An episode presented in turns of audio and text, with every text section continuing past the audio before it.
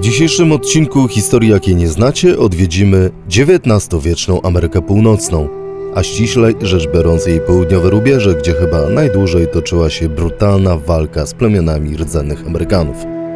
Indianie i ci prawdziwi, tacy jak Siedzący Byk, Cochise, Geronimo, czy wykreowani przez literaturę i kino, z których najbardziej znany jest oczywiście Winnetou, od lat rozbudzają naszą wyobraźnię. Często ich historie były kreacją amerykańskiej prasy, budowaniem mitów, nie tylko tych, w których okrutni czerwonoskórzy bezwzględnie mordują i skalpują osadników, ale także kreacją ich samych, przede wszystkim ich wodzów, taką kreacją, która nie miała nic wspólnego z rzeczywistością. Dość powiedzieć, że inny największy kreator wizerunku Apaczów, w pewnym momencie wręcz będących synonimem określenia Indianin, Niemiecki pisarz Karol May nigdy nie odwiedził miejsc, gdzie działy się opisywane przez niego historie, a za ocean dotarł na długo po wydaniu swoich słynnych książek. Do dziś nie tylko samo określenie tego plemienia będące nazwą zaadaptowaną przez Amerykanów od innych Indian oznaczającą wroga, ale także całe spektrum akcesoriów, takich jak nieużywany nigdy na tym terenie tomahawk, czy rytuał skalpowania wroga wymaga wyjaśnienia. Historia Indian z terenów pogranicza USA i Meksyku, tzw. Tak Apacherii rozciągającej się na terenie kilku stanów o powierzchni bliskiej powierzchni dzisiejszej Polski, to także opowieść o najdłużej trwającym marzeniu wolności. I o tym wszystkim porozmawiam z panią Zofią Kozimor, autorką książki Taniec Życia i Pieśń Śmierci, która okazała się nakładem wydawnictwa Znak Horyzont. Nowy sezon historii, jakiej nie znacie – to nowy cykl dla fanów literatury historycznej, naukowej i non-fiction. Co wtorek na kanale odcinki książki bez fikcji, w których będziemy przedstawiać Wam nie tylko ciekawe opowieści historyczne, ale rozmawiać z gośćmi, autorami książek literatury faktu. Partnerem odcinka, którego właśnie słuchasz, jest wydawnictwo Znak Horyzont. Część pierwsza. Tomahawki, tipi i pióropusze. Zaczynając dzisiejszy odcinek, najpierw od razu chciałem przedstawić, jaką będzie miał konstrukcję. Zgodnie ze sztuką nauk etnograficznych porozmawiamy o apaczach w kontekście kultury materialnej, duchowej i społecznej, a ich historia, czyli prawdziwe wyczyny wodzów Cochisa i Geronimo, choć ostatni najbardziej znany wcale wodzem nie był, będą pojawiać się w trakcie rozmowy z panią Zofią Kozimior. Przeniesiemy się oczywiście na tereny południowego zachodu, gdzie po obu stronach rzeki Rio Grande, drugiej pod względem wielkości rzeki USA, zamieszkiwały plemiona Apaczów. A ze względu na to, że w ich nazwach i grupach trudno się nie pogubić, na początek zapytałem o klasyfikację i te trudne określenia szczepów apackich. Cały lud Apaczów dzielił się na siedem odłamów. Na wschodzie Rio Grande żyły mm, cztery odłamy. Apache Kiowa, Jicarilla, y, Mescalero i Lipan. Y, Apache Mescalero żyli po obu stronach Rio Grande. Na zachód od Rio Grande żyły trzy odłamy Apaczów. Apache białogórscy, Apache zachodni i Apache Chiricahua. Apache Chiricahua, czyli to jest lud opisany w książce, to jest lud Cochisa i Geronima. I teraz wszystkie te odłamy dzieliły się jeszcze na grupy. Więc ja może teraz ograniczę się do Apaczów Chiricahua, którzy nas interesują. Apache Chiricahua podzieleni byli na, na cztery grupy. Na cztery. Bodaj największą grupą, yy, yy, największą grupę stanowili Apache Cheyenne. Cheyenne, czyli ludzie pomalowani na czerwono. Prawda? Taka jest ich rdzenna nazwa. Apache Cheyenne to był lud właśnie Victoria, Mangasa Coloradasa, y, Loka i Nany. Apache Cheyenne mieszkali y, na, na dzisiejszym terenie Nowego y, Meksyku. Drugą ważną grupą byli Chokoneni. Chokoneni to właśnie był lud Cochisa. Ludzie ci mieszkali w rdzennym języku Apaczów, znaczy to ludzie z, gór, z górskich szczytów. Ludzie ci mieszkali w dzisiejszej południowo-wschodniej Arizonie, więc to byli Chokoneni. Ich wodzami był Miguel Narbona, y, Esquinalin, był Irigoyen, no a potem przede wszystkim Cochis, a potem, potem jeszcze po śmierci Cochisa jego syn Naichi y, oraz Chihuahua. Następną dużą grupą byli Apache Nedni. Apache Nedni żyli na terenie dzisiejszego Meksyku, w południowym Meksyku. To byli Apache spod Hanos, prawda, tego, tego miasta Hano, Janos, to się pisze Hanos, wymawia. Apache, e, wo, wodzami Apaczów Nedni, Apache Nedni rzadko, e, o, owszem, no, wkraczali na tereny e, Stanów Zjednoczonych, ale rzadko. To byli jednak Apache, Apache z Meksyku, Apache meksykańscy. Wodzami Apaczów, takim wielkim wodzem Apaczów Nedni był. Prawda? Piszemy to inaczej, no ale wymawiać, wymawiać trzeba Howe. No i w końcu pozostawała czwarta grupa czyli to byli Apache Bedonkoche, do których należał Geronimo. Apache Bedonkoche byli bardzo małą grupą. Ona, y, ona położona, ci ludzie żyli na północ y, Chienów i północ Chokonenów. Ta grupa była bardzo mała i po śmierci ich y, głównego wodza Mako, który był zresztą dziadkiem Geronima, ta grupa się rozpadła. Ona została wchłonięta przez wszystkie te trzy pozostałe grupy, przez Chienów, Chokonenów i Nedni. Pani Zofio, tą część rozmowy nazwałem Tomahawki, Tipi i Pióropusze. Głównie ze względu na to, że ten cały wizerunek Apacza, który mamy przed oczami, wykreowany przez popkulturę, to w wielu przypadkach jest kompletna fikcja. Kultura masowa zawłaszczyła Indian, dokonując uproszczeń i skrótów, operując e, schematami. Na początku były to przeróżne cyrki typu e, cyrk Buffalo Billa, Y, z udziałem zresztą samych tubylców, przebranych za Indian równych, przebranych w fantazyjne stroje, najczęściej za Indian równych, równin i właśnie noszących pióropusze. Potem były westerny, które sprowadziły obraz Indian w, na, na, na boczne tory. I w końcu y, przygodowe książki dla dzieci i młodzieży, no, typu Winetu w Polsce, który na temat, która y, na temat apaczów nie mówi absolutnie nic. I właśnie za sprawą tych uproszczonych przekazów powstawały te stereotypy i klisze. Mam wrażenie, że nawet dzisiaj nam się wydaje, że, y, że wszyscy apacze nosili y, pióropusze. Y, mało tego, y, a Indianin, że wszyscy Apache, wszyscy, tak, że wszyscy Apache, wszyscy Indianie nosili pióropusze. Y, mało tego, mam wrażenie, że Indianin bez pióropusza jest nieatrakcyjny.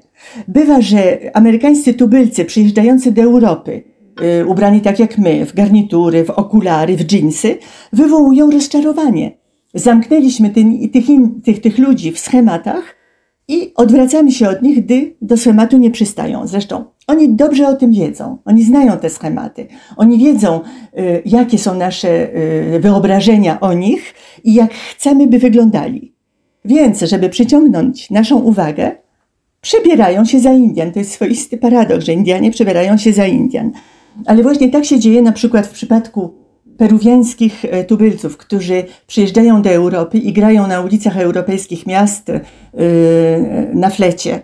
Ci ludzie przywdziewają pióropusze Indian równych, równin sięgające ziemi, żeby nas zadowolić, żeby przyciągnąć naszą uwagę. No i w, w pióropuszu pozwolił się sfotografować Geronimo, chociaż pióropusze nie należały do, do kultury Apaczów. I właśnie sama kultura Apaczów, y, to znaczy Apache y, to był bardzo duży lud, który podzielony był na kilka odłamów i między tymi odłamami istniały duże różnice. I tak, y, na przykład Apache ze wschodniego brzegu Rio Grande nosili pióropusze. Właśnie myślę, że w takim pióropuszu sfotografował się Geronimo, to był pióropusz, pióropusz prawdopodobnie Apachów Hicarilla. Natomiast Apache z zachodniego brzegu Rio Grande nie nosili pióropuszy, nie, na przykład nie zaplatali włosów w warkocze, nie mieli tomahawków. Y, Apache z Arizony i Nowego Meksyku nie mieszkali w tipi. W, w, tych, w tym regionie jest za gorąco na szałas ze skóry.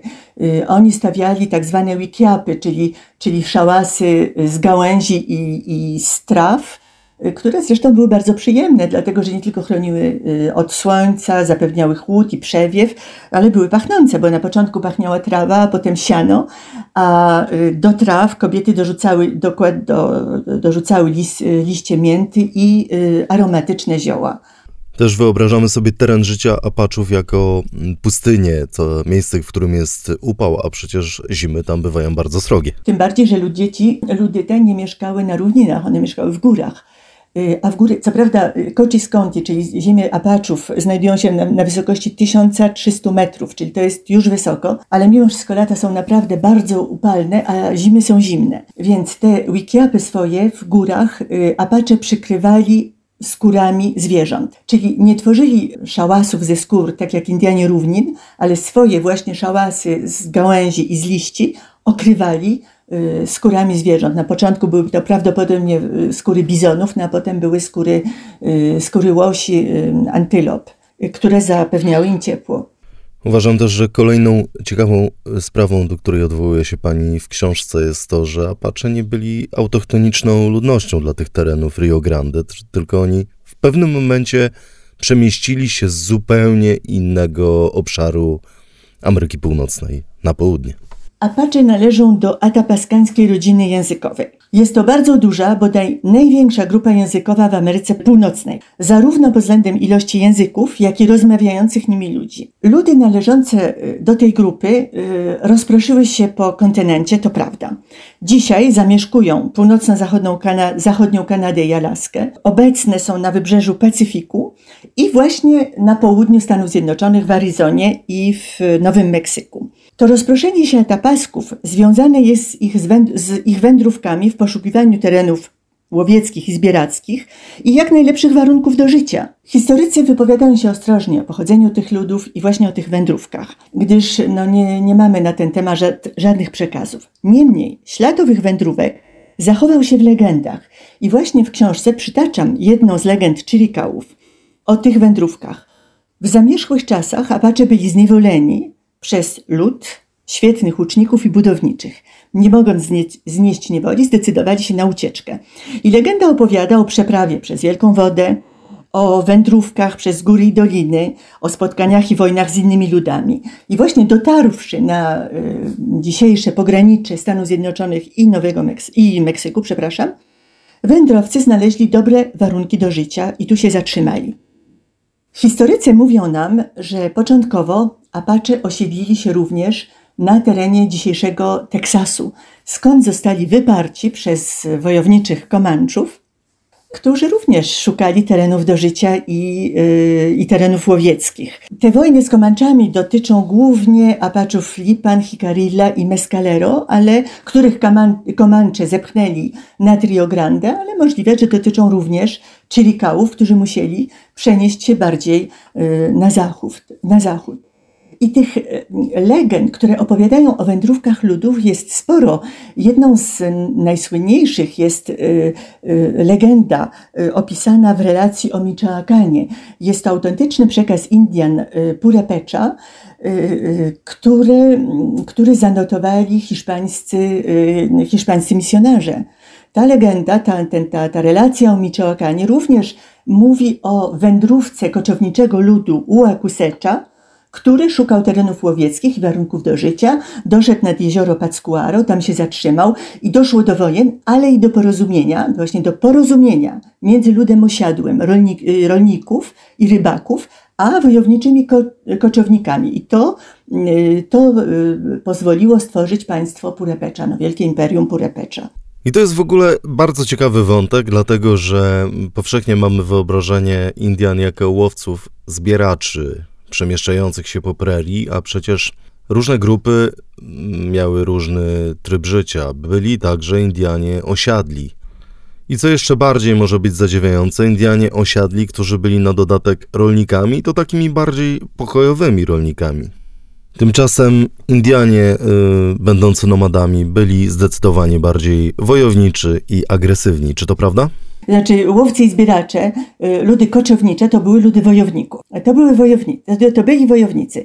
I oni, y, powiedzmy, wojna była ważnym elementem ich kultury. Ich szykowano, ich, ich, ich formowano do prowadzenia wojny. Tylko oczywiście stereotypem jest to wyobrażenie, że koczowniczy, koczownicy prowadzili wojny przez cały czas ze wszystkimi, że y, mordowali na prawo i lewo i y, y, powiedzmy y, i, i grabili wszystkich po drodze. To jest stereotyp. Dlatego, że właśnie przez całe wieki Apache żyli w bliskim sąsiedztwie ludów osiadłych, Indian Pueblo, Hopi, Zuni, Akoma. Tych pueblów w Arizonie i Meksyku jest zresztą bardzo dużo. I te ludy żyły koło siebie, w swoistej symbiozie. Apache nękali swoimi najazdami ludy osiadłe, to jest pewne. Ale po okresach wojny nastawały okresy pokoju, które pozwalały na kontakty handlowe i na kontakty kulturalne. Żadne z indyjskich plemion nie znało pojęcia wyższości kulturowej i żadne nie dążyło do unicestwienia przeciwnika. Pomimo wojowniczego nastawienia Apaczów, żadne z plemion Pueblo nie zostało starte z powierzchni ziemi. Przez cały XVII wiek, broniąc się przed złym traktowaniem ze strony chrześcijan, Indianie Pueblo szukali wsparcia i schronienia u Apaczów i Nawachów. Do pierwszego starcia między Apaczami i Hiszpanami doszło prawdopodobnie pod koniec XVI wieku, gdy Apacze pomogli Akomom y, stawić opór najeźdźcom. Akomowie potem odwzajemniali im się jak mogli, kradnąc dla nich konie. Zresztą po dziś dzień y, kontakty między Apaczami Indianami Pueblo istnieją, ponieważ Pueblo, znaczy Indianie Pueblo obecni są na wszystkich wielkich ceremoniach organizowanych przez Apaczów. Ale właśnie, to wielowiekowe sąsiedztwo ludów rolniczych i nomadów rozbija w pył pewien nasz y, mit, który sobie stworzyliśmy. Mianowicie wygodną teorię o tak zwanych niższych i wyższych stopniach rozwoju. To jest mit, który stworzyli sobie ludzie Zachodu.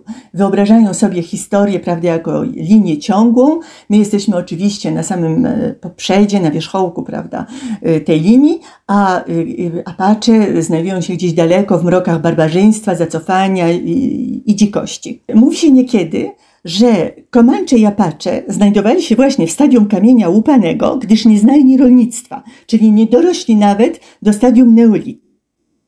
Komancze i Apache znali rolnictwo, znali doskonale produkty rolne, gdyż nabywali je od ludów osiadłych. Jeśli nie parali się rolnictwem, to nie dlatego, że, nie, że go nie odkryli, lecz dlatego, że nie chcieli się nim parać. To nie była kwestia zacofania czy niedorozwoju, lecz kwestia wyboru. Nomadzi mieli własną tradycję zbieractwa i myślistwa, która ich w pełni zadowalała. Sądzili, że stworzyli dla wszystkich członków y, swej społeczności styl życia najlepszy z możliwych. Zresztą ta niechęć do rolnictwa wypływała również z ich religii. Dla nomadów ziemia była y, istotą żywą i świętą, nie chcieli jej ranić. Claude Lévi-Strauss mówi, że Indianie menonimi, meno, menomini, przepraszam, z regionu wielkich, yy, wielkich jezior Ameryki Północnej doskonale obeznani z technikami rolniczymi swych sąsiadów Irokezów, nie chcieli uprawiać dzikiego ryżu, który stanowił podstawę ich wyżywienia, gdyż nie chcieli ranić matki ziemi. Dobrze ujął to teoretyk teatru, y, człowiek, który, który przebywał wśród Tarahumarów, Antonin Artaud w swojej książce o Tarahumarach.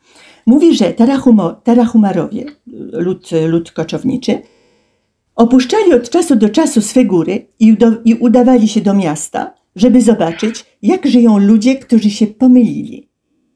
Rolnictwo wiązało się z osiad- umożliwiło osiadły tryb życia, zagęszczenie ludności, powstawanie miast. Te wszystkie elementy są ze sobą związane. Dla nomadów nie był to wyższy stopień kultury. Był to styl życia ludzi, którzy się pomylili i oni nie chcieli żyć jak ludzie osiadli. To był ich wybór. Część druga. Religia, czyli wiele twarzy Manitu. Przechodzimy do drugiej części istotnej, dlatego że dla rdzennych Amerykanów kultura duchowa była jednym z najważniejszych elementów życia. Tylko jaka to była kultura duchowa, ile prawdy jest w tym mitycznym bogu indiańskim, który nazwany jest Manitu. Jak wyglądały te wierzenia? Podstawą religii Apaczów i Indian w ogóle był animizm. Według ich wierzeń świat przenikała potężna y, siła duchowa, potężna energia duchowa.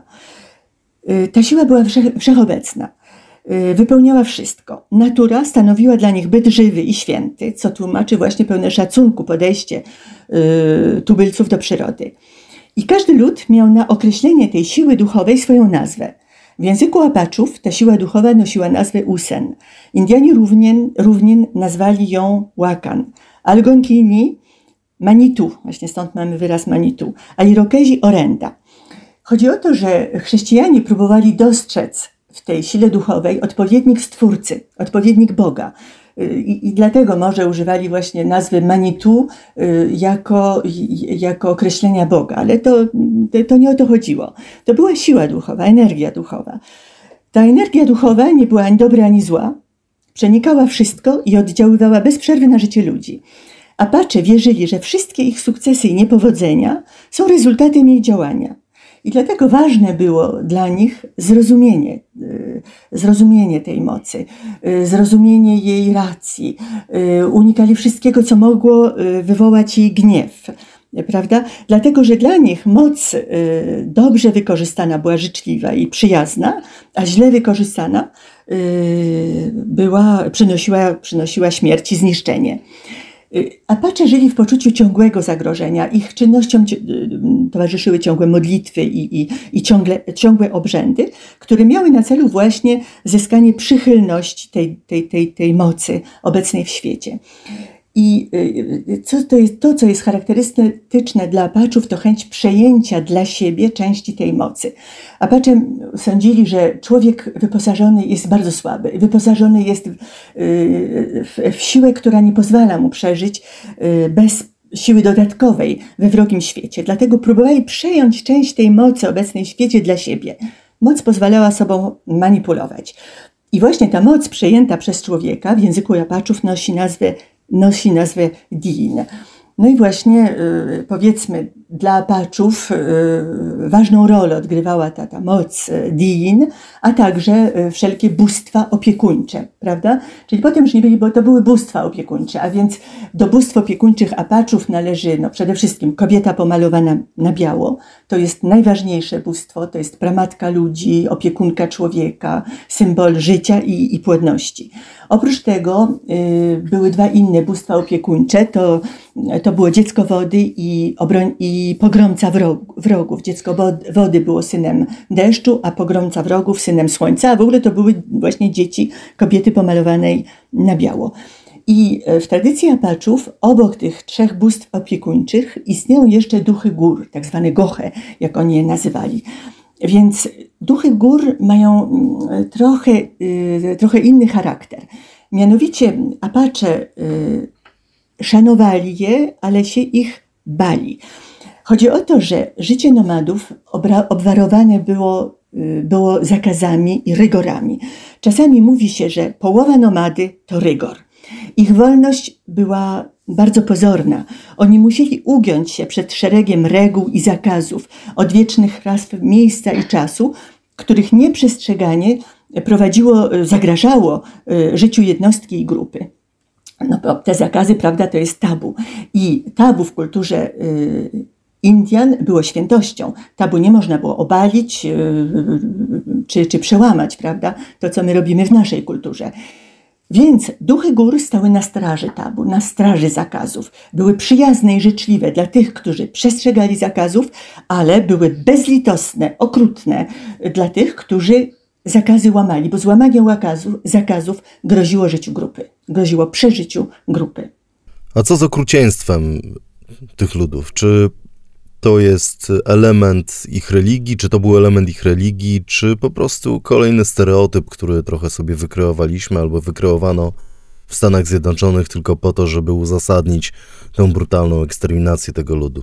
Jest to stereotyp w tym sensie, że y, uważamy, że y, Indianie y, od urodzenia byli okrutni, prawda? Mieli wrodzone okrucieństwo. To, to jest czystym przesądem, by już prawie nie powiedzieć rasizmem.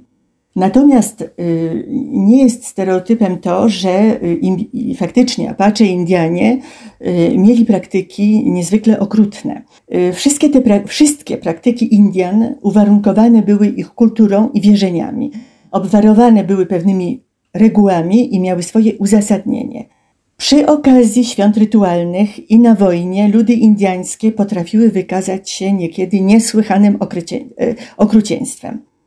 Ten stygmat okrucieństwa zawisł nad nimi. Traktowany jest, jest jak degradujący symbol, jak znak niższości moralnej i duchowej. Kultura duchowa Indian stanowi nie, niezwykle ważny element ich tożsamości. Bez poznania tej kultury, bez poznania religii, ich filozofii, nie można zrozumieć ich motywacji do działania, ich reakcji i zachowań, ani właśnie tych okrutnych praktyk. Jeśli ograniczymy się do wyszczególnienia okrucieństw Indian, bez zrozumienia ich bazy filozoficznej, no to nasze osądy zbliżą się do osądów y, kolonizatorów sprzed stuleci. W żaden sposób nie można widzieć w tych praktykach niższego stopnia kultury czy stopnia niższego barbarzyństwa, co niektórym historykom zdarza się do, dziś jeszcze wypisywać. Jest to właśnie kolejny przesąd właściwie naszej kulturze.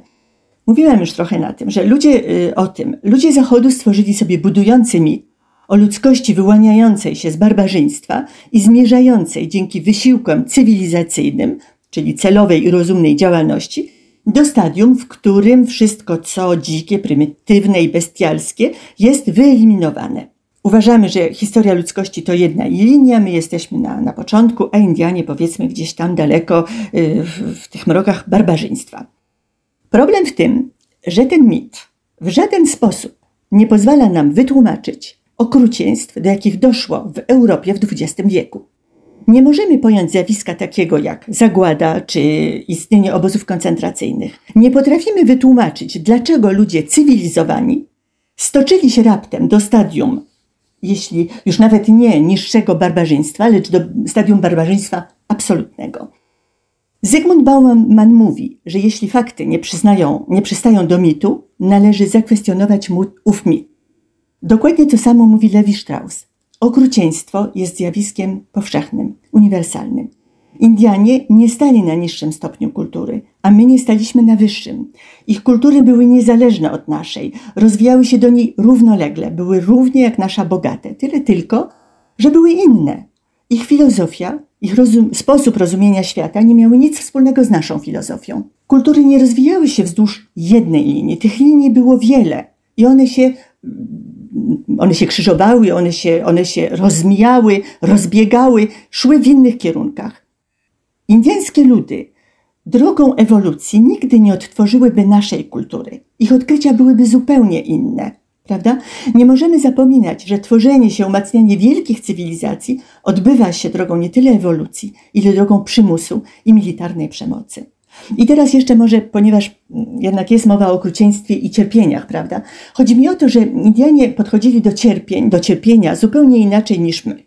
Do cierpienia i do śmierci. My eliminujemy z naszego życia cierpienie i śmierć. Nie chcemy ich widzieć. Natomiast dla nich cierpienie stanowiło integralną część część życia i zadawano je w pierwszej kolejności sobie.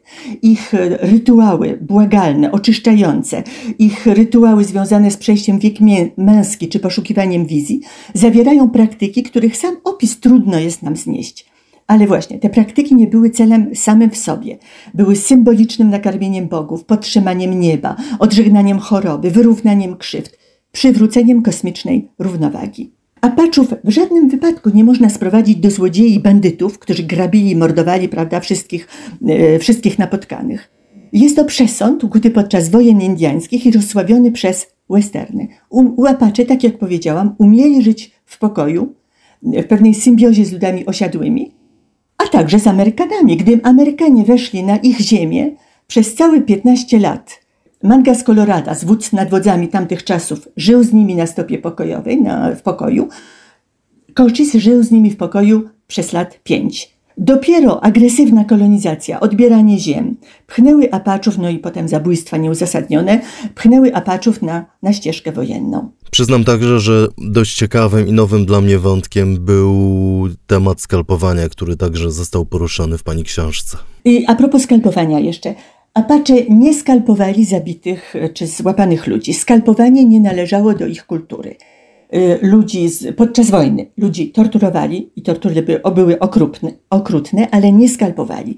Jeśli skalpowali, to działo się to pod wpływem yy, praktyk białych, którzy skalpowali Apaczów, gdyż rząd meksykański płacił im sowite nagrody za każdy skalp mężczyzny, kobiety i dziecka. Apache okaleczali ciała zabitych. Okaleczali, odcinali ręce, nogi, głowy i tak dalej. nie okaleczali ciał wojownik, y, żołnierzy, przepraszam, którzy walczyli, którzy wyróżnili się mm, bit, mm, bitnością, odwagą y, i, i dzielną postawą. Y, po śmierci, no, gdy, gdy, gdy prawda, zabili ich, bądź, bądź żołnierze sami sobie odebrali życie, zostawiając ostatnią kulę dla siebie, ich ciała nie okaleczali, nie, nie okaleczali ich ciał i zostawiali okryte kocem.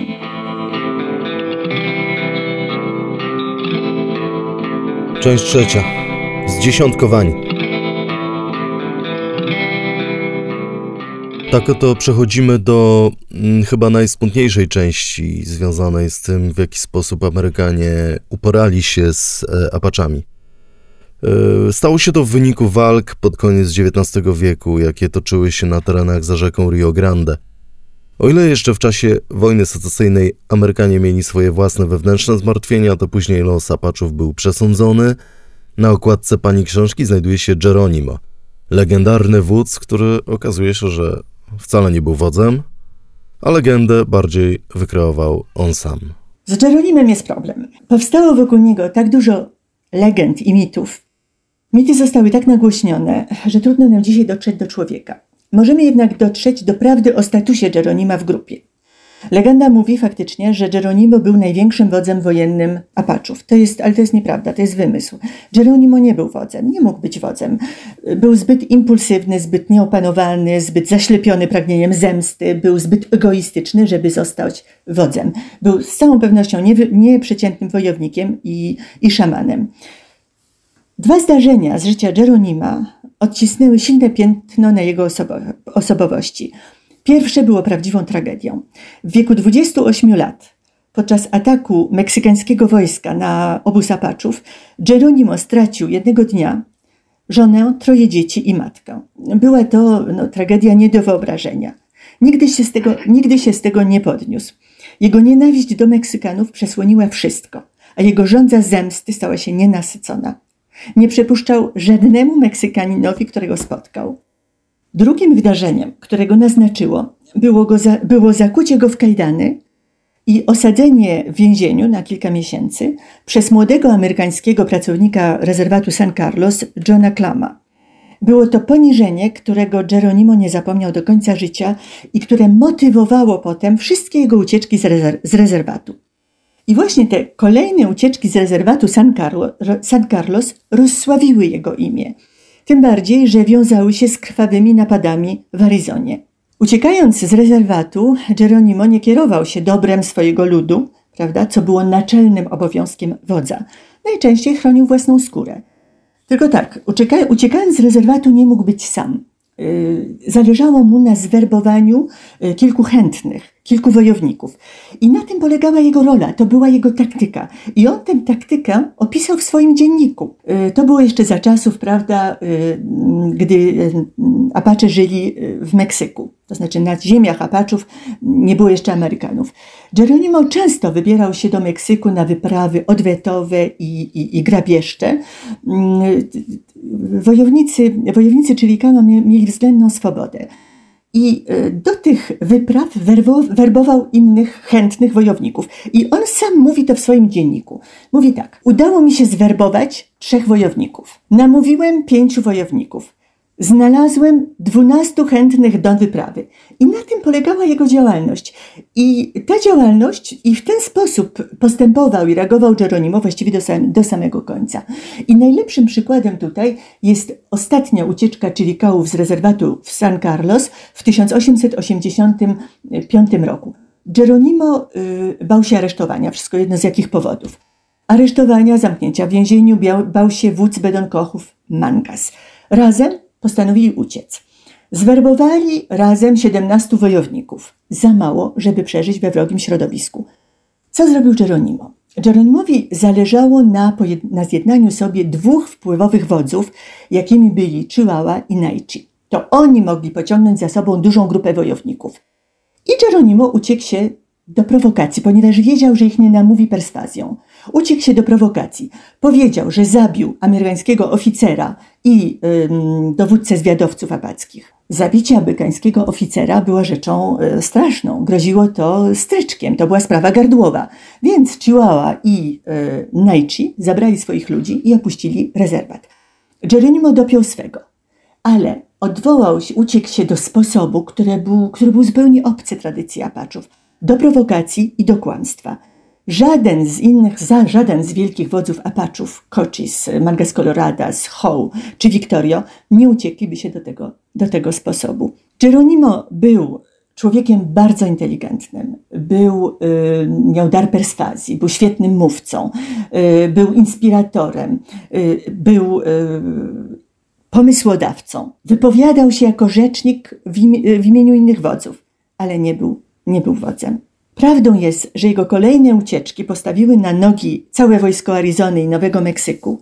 Pokonanie Chiricałów było dla, Meksyka, dla Amerykanów twardym orzechem do zgryzienia. Za sprawą Jeronima ostatni, niepokorni, mocno zaszli im za skórę i chwała im za to. Chodzi jednak o to, żeby oddzielić ziarno od plew, prawda? Prawdę od wymysłów. Czcimy Jeronima jako niepokornego, nieugiętego, nieprzeciętnego wojownika, ale nie róbmy z niego wodza Apaczów, bo to jest nieprawda. Mało tego, nie róbmy tego z niego archetypu Apacza, gdyż jego postępowanie zbyt często odbiegało od apackiej tradycji. Z pewnością w tej kreacji Geronimo bardzo dużo pomogła popkultura, rodząca się popkultura przełomu XIX i XX wieku i zdjęcia, które mu robiono, natomiast takiego zdjęcia nie zrobiono innej wybitnej postaci, chyba jednemu z najwybitniejszych wodzów. Człowiekiem, który ucieleśnił wszystkie cnoty, czyli kałów, apaczów, który wyraził ich najlepiej, najdoskonalej, jest Cochise. Cochise był z całą pewnością największym wodzem Apaczem, Apaczów Chiricahua XIX wieku. Y, pochodził z grupy Chokonen. Y, jego ojciec i dziadek byli wodzami, ale Cochise został wodzem nie ze względu na, te, na to pokrewieństwo. U Apaczów nie było wodzów dziedzicznych. Wodzem zostawał najlepszy. Apacze nie wybierali wodzów, uznawali po prostu ich supremację. W społeczności wojowników, jaką byli y, Apache, wódz musiał być wojownikiem wyjątkowym i Cochise nim był. Stanowił niedościgły wzór dla swoich ludzi.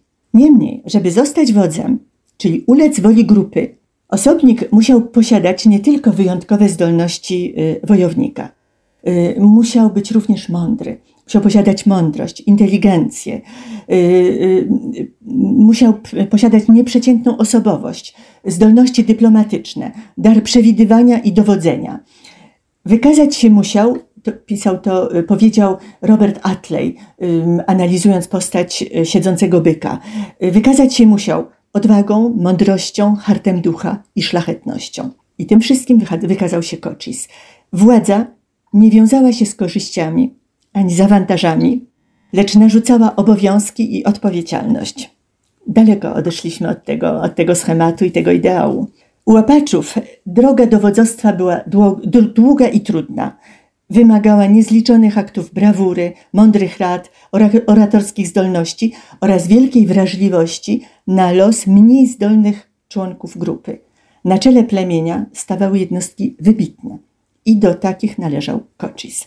Jako wódz wojenny y, Apaczów, Cochise, czyli Kałów, Cochise odegrał y, w historii Apaczów rolę wyjątkową. Podczas wojny z Amerykanami udało mu się to, czego nie dokonał żaden inny wódz po nim ani, ani przed nim. Mianowicie zdołał pociągnąć za sobą, innymi słowy zjednoczyć, wszystkie grupy Czokonenów. Mało tego, wszystkie grupy Chirikałów, a nawet inne plemiona Apaczów uznawały jego autorytet, co jest rzeczą niespotykaną w historii tego ludu jak, daleka, jak daleko sięga pamięć Apaczów, e, mówi Donald Cole, czyli kałański etnolog. Taka sytuacja w ich historii nie miała miejsca, dlatego że e, powiedzmy zjednoczenie się plemion nie leżało w kulturze Indian. Pozwoliło to Cochisowi prowadzić najdłuższą w dziejach, w dziejach Indian wojnę, która trwała bez żadnych przerw 11 lat. Mm, w tradycji Apaczów wódz nie rozkazywał wojowników, zachęcał, do ich, do zachęcał ich do walki i yy, dawał przykład. Cochise prowadził, prowadził wojowników przykładem i słowem. rozkazywał wojownikom, mało tego, rozkazywał wodzom innych grup w obecności ich ludzi, na co nie zdobyłby się przed nim żaden wódz. A te rozkazy nie przynosiły ujmy ani wodzom, ani wojownikom, co, wymo- co wymownie świadczyło o jego autorytecie y, wśród, wśród Apaczów. Koczys był człowiekiem hmm, bardzo inteligentnym, o mądrym, o niezwykłej charyzmie. Jego wpływ na Indian był zadziwiający, ale jego wpływ na białych był zadziwiający. Biali byli literalnie zafascynowani nim, co, co widać w ich, w ich relacjach, w ich, w ich przekazach. Ale naczelnym, powiedzmy dobrem, naczelnym y, zadaniem tego wodza y, było dobro jego ludu. Wszystko, co robił, robił z myślą o swoim o swoich ludziach. Y, dla nich prowadził wojnę i ze względu na ich dobro zgodził się na pokój. Zawarł pokój. Stworzył dla nich rezerwat na własnych warunkach. Był to pierwszy i ostatni rezerwat, rezerwat w Ameryce stworzony na warunkach Indianina. Poza tym był człowiekiem, mm, był człowiekiem o dużej intuicji, był człowiekiem bez uprzedzeń. Y, na przykład zachował do końca życia y, przyjaźń y, do generała Howarda, z którym negocjował właśnie warunki, warunki rezerwatu. Jego przyjaźń z białym człowiekiem, Thomasem Jeffordsem, stanowi no, jedno z najpiękniejszych jest podań historii Dzikiego Zachodu. Cochise umiera w roku 1874 i umiera nie w walce, ale już w rezerwacie na chorobę żołądka. Kilka lat później na zapalenie płuc umiera jego syn, który pełni rolę wodza. I wydaje się, że ta y, historia jego pobratymców finalnie nie ma dobrego zakończenia. Y, historia Indian i Chickaów i Apaczów jest, jest historią tragiczną. To jest historia bardzo trudna. Yy, powiedzmy, no wie, wiemy, że tak w latach 70., 80. XIX wieku celem Amerykanów było spacyfikowanie wszystkich Apaczów i osadzenie ich w rezerwatach yy, w celu, no, w celu ich ucywilizowania, czyli narzucenia kultury dominującej.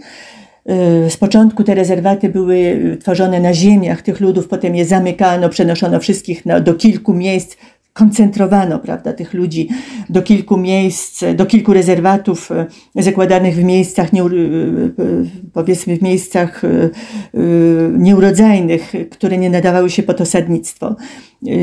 Warunki życia w rezerwatach były okropne, panował tam ścisk, bieda, głód, choroby, była bardzo duża śmiertelność, śmiertelność ludzi. Czyli Kałów początkowo osadzono po zamknięciu rezerwatu Cochisa, tego wolnego rezerwatu Cochisa, czyli Kałów zamknięto w San Carlos, no ale właśnie z nimi był ciągły kłopot, dlatego że za sprawą Jeronima oni uciekali z rezerwatów, siali, siali zamęt w Arizonie. No i, y, no ale dzięki temu opór, y, opór Chirikałów trwał najdłużej, bo y, do września 1886 roku, kiedy to poddał się Jeronimo. No ale Chirikałowie zapłacili bardzo, bardzo drogo za ten opór. Całe ich plemię zostało deportowane Wywieziono ich e, z Arizony do ponurych fortów na mokrym, wilgotnym, niezdrowym wybrzeżu Florydy. Klimat Florydy okazał się dla nich zabójczy, dla tych ludzi, którzy przyzwyczajeni byli do suchego klimatu Arizony. I Apache marli tam jak muchy. Po kilku latach w wyniku protestów e, i cywilów i wojskowych Apaczów przeniesiono do Alabamy, a następnie do Oklahomy. Odebrano, odbierano im dzieci, które wysłano, wysyłano do, y, do szkoły z internatem w Carlisle w Pensylwanii. Y, w Carlisle szalała gruźlica, na Florydzie i Alabamie malaria. W ciągu trzech, trzech pierwszych lat na wygnaniu zmarła jedna czwarta wywiezionych. To była prawdziwa hekatomba.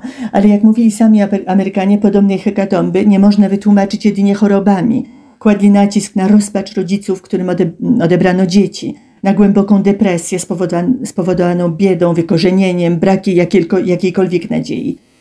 Deportacja Czyrikałów trwała 27 lat. Przez ten czas Czyrikałowie traktowani byli jako jeńcy wojenni. Ten status jeńców zniesiono im w 1912 roku, trzy lata po śmierci Jeronima i pozwolono im się osiedlić właśnie w rezerwacie Mescalero w Nowym Meksyku. Przed przybyciem Amerykanów na południowy zachód lud Chiricahua liczył około 3000 osób. Do pociągu wiozącego tych ludzi z Oklahomy do rezerwatu Mescalero wsiadło 261 osób. Oś- 78 pozostało w Oklahomie, czyli w 1913 roku lud Chiricahua, ten słynny lud, niezłomny lud e, Chiricahua, który wszedł do legendy, liczył 339 osób. To była jedna dziesiąta ich dawnej populacji. Czyli zapłacili bardzo, bardzo y, drogo y, za, prawda, za swój opór i za chęć zachowania własnej, własnej kultury. Jak dzisiaj wygląda e, życie przodków Cochisa i Geronima? Bo odwiedzała Pani te tereny i z tego co wiem, Apache zajmują się też bardzo ciekawą działalnością turystyczno-biznesową. Dzisiaj Chiricahowie żyją w rezerwacie Mescalero w Nowym Mes- Meksyku. Nie mają prawa osiedlać się w Arizonie. W tym rezerwacie dzisiaj mieszkało, mieszkało około 4,5 tysiąca osób. Ilu jest dokładnie Chiricahów, ile Mescalerów, nie wiemy, bo grupy zaczynają się, zaczynają się mylić. I właśnie, yy, oczywiście, no, yy, Chiricahowie stracili dużo. Struktury plemienne tych ludów zostały rozbite, nie ma już systemu wodzów, Apache prowadzą osiadły tryb życia, mieszkają w indywidualnych domach, często ładnie utrzymanych, prowadzą samochody. Pomimo wysiłków cywilizatorów, Apache nie stali się rolnikami, nie ma pól uprawnych w ich rezerwatach, natomiast są dobrymi hodowcami, hodują bydło i konie. Gdzie pracują? Pracują właśnie w miejscowym kasynie i hotelu, w szpitalu, w sklepie, w szkole. No i rozwijają ten słynny biznes turystyczny. Rezerwat Mescalero po, położony jest bardzo wysoko, bodaj na, na wysokości 2000 metrów, więc nawet lato, noce le, le, latem są tam chłodne, no a zimą jest dużo śniegu, yy, więc założyli stację prawda, sportową yy, dla, no, dla turystów białych, yy, którzy mogą, mogą tam prawda, jeździć na nartach. No i poza tym ten biznes rozwija się również y, w samym kasynie. Tylko czy rzeczywiście y, Apache korzystają z, z powiedzmy z y, rezultatów tego biznesu, przynajmniej biznesu w kasynie, no to jest już inna sprawa. To prawda, że powiedzmy Apache dzisiaj żyją niejako, przynajmniej zewnętrznie, prawda, jak biali, bo do tego zostali zmuszeni. Ale powiedziałabym ich dusza, ich dusza pozostała indiańska. Zachowali tą indiańskość, to co nazywa się indiańskością, to jest bardzo piękne słowo. A więc zachowali swoją tożsamość Apaczów, a na tą tożsamość składa się ich kultura duchowa, której pozostali wierni. Y, Składają się właśnie ich, y, ich wierzenia, ich, ich, ich ceremonie, których, które odprawiają od wczesnej wiosny do późnej jesieni, ich wszystkie obrzędy.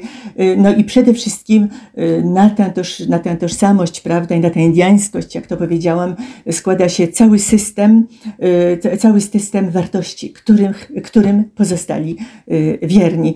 I dzięki właśnie tej duszy, którą zachowali, zachowują swoją tożsamość. Tożsamość Apaczów, tożsamość ludów, ludu Nde. Dzisiaj zachowują ją z uporem i z dumą. Tożsamość Apaczów wobec no, białej większości. To już wszystko w tym odcinku. Ja bardzo się cieszę, że w końcu mogłem zrealizować temat związany z moją młodzieńczą fascynacją. Mam nadzieję, że to, o czym dzisiaj rozmawialiśmy, pozwoliło rozwiać troszkę mitów i zachęcić Was do lektury tej bardzo wartościowej i obszernej książki o prawdziwych dziejach dzikiego południowego zachodu. Pamiętajcie, że codzienne nowości możecie śledzić na moim kanale na Facebooku, Instagramie i Wykopie. Przepraszamy się też z YouTube'em, gdzie odtąd także będą publikowane odcinki podcastu i co najważniejsze, wprowadzamy stały rytm. Odtąd zawsze we wtorek o świcie najnowsze odcinki historii, jakiej nie znacie. Zatem do usłyszenia. Historia, jakiej nie znacie.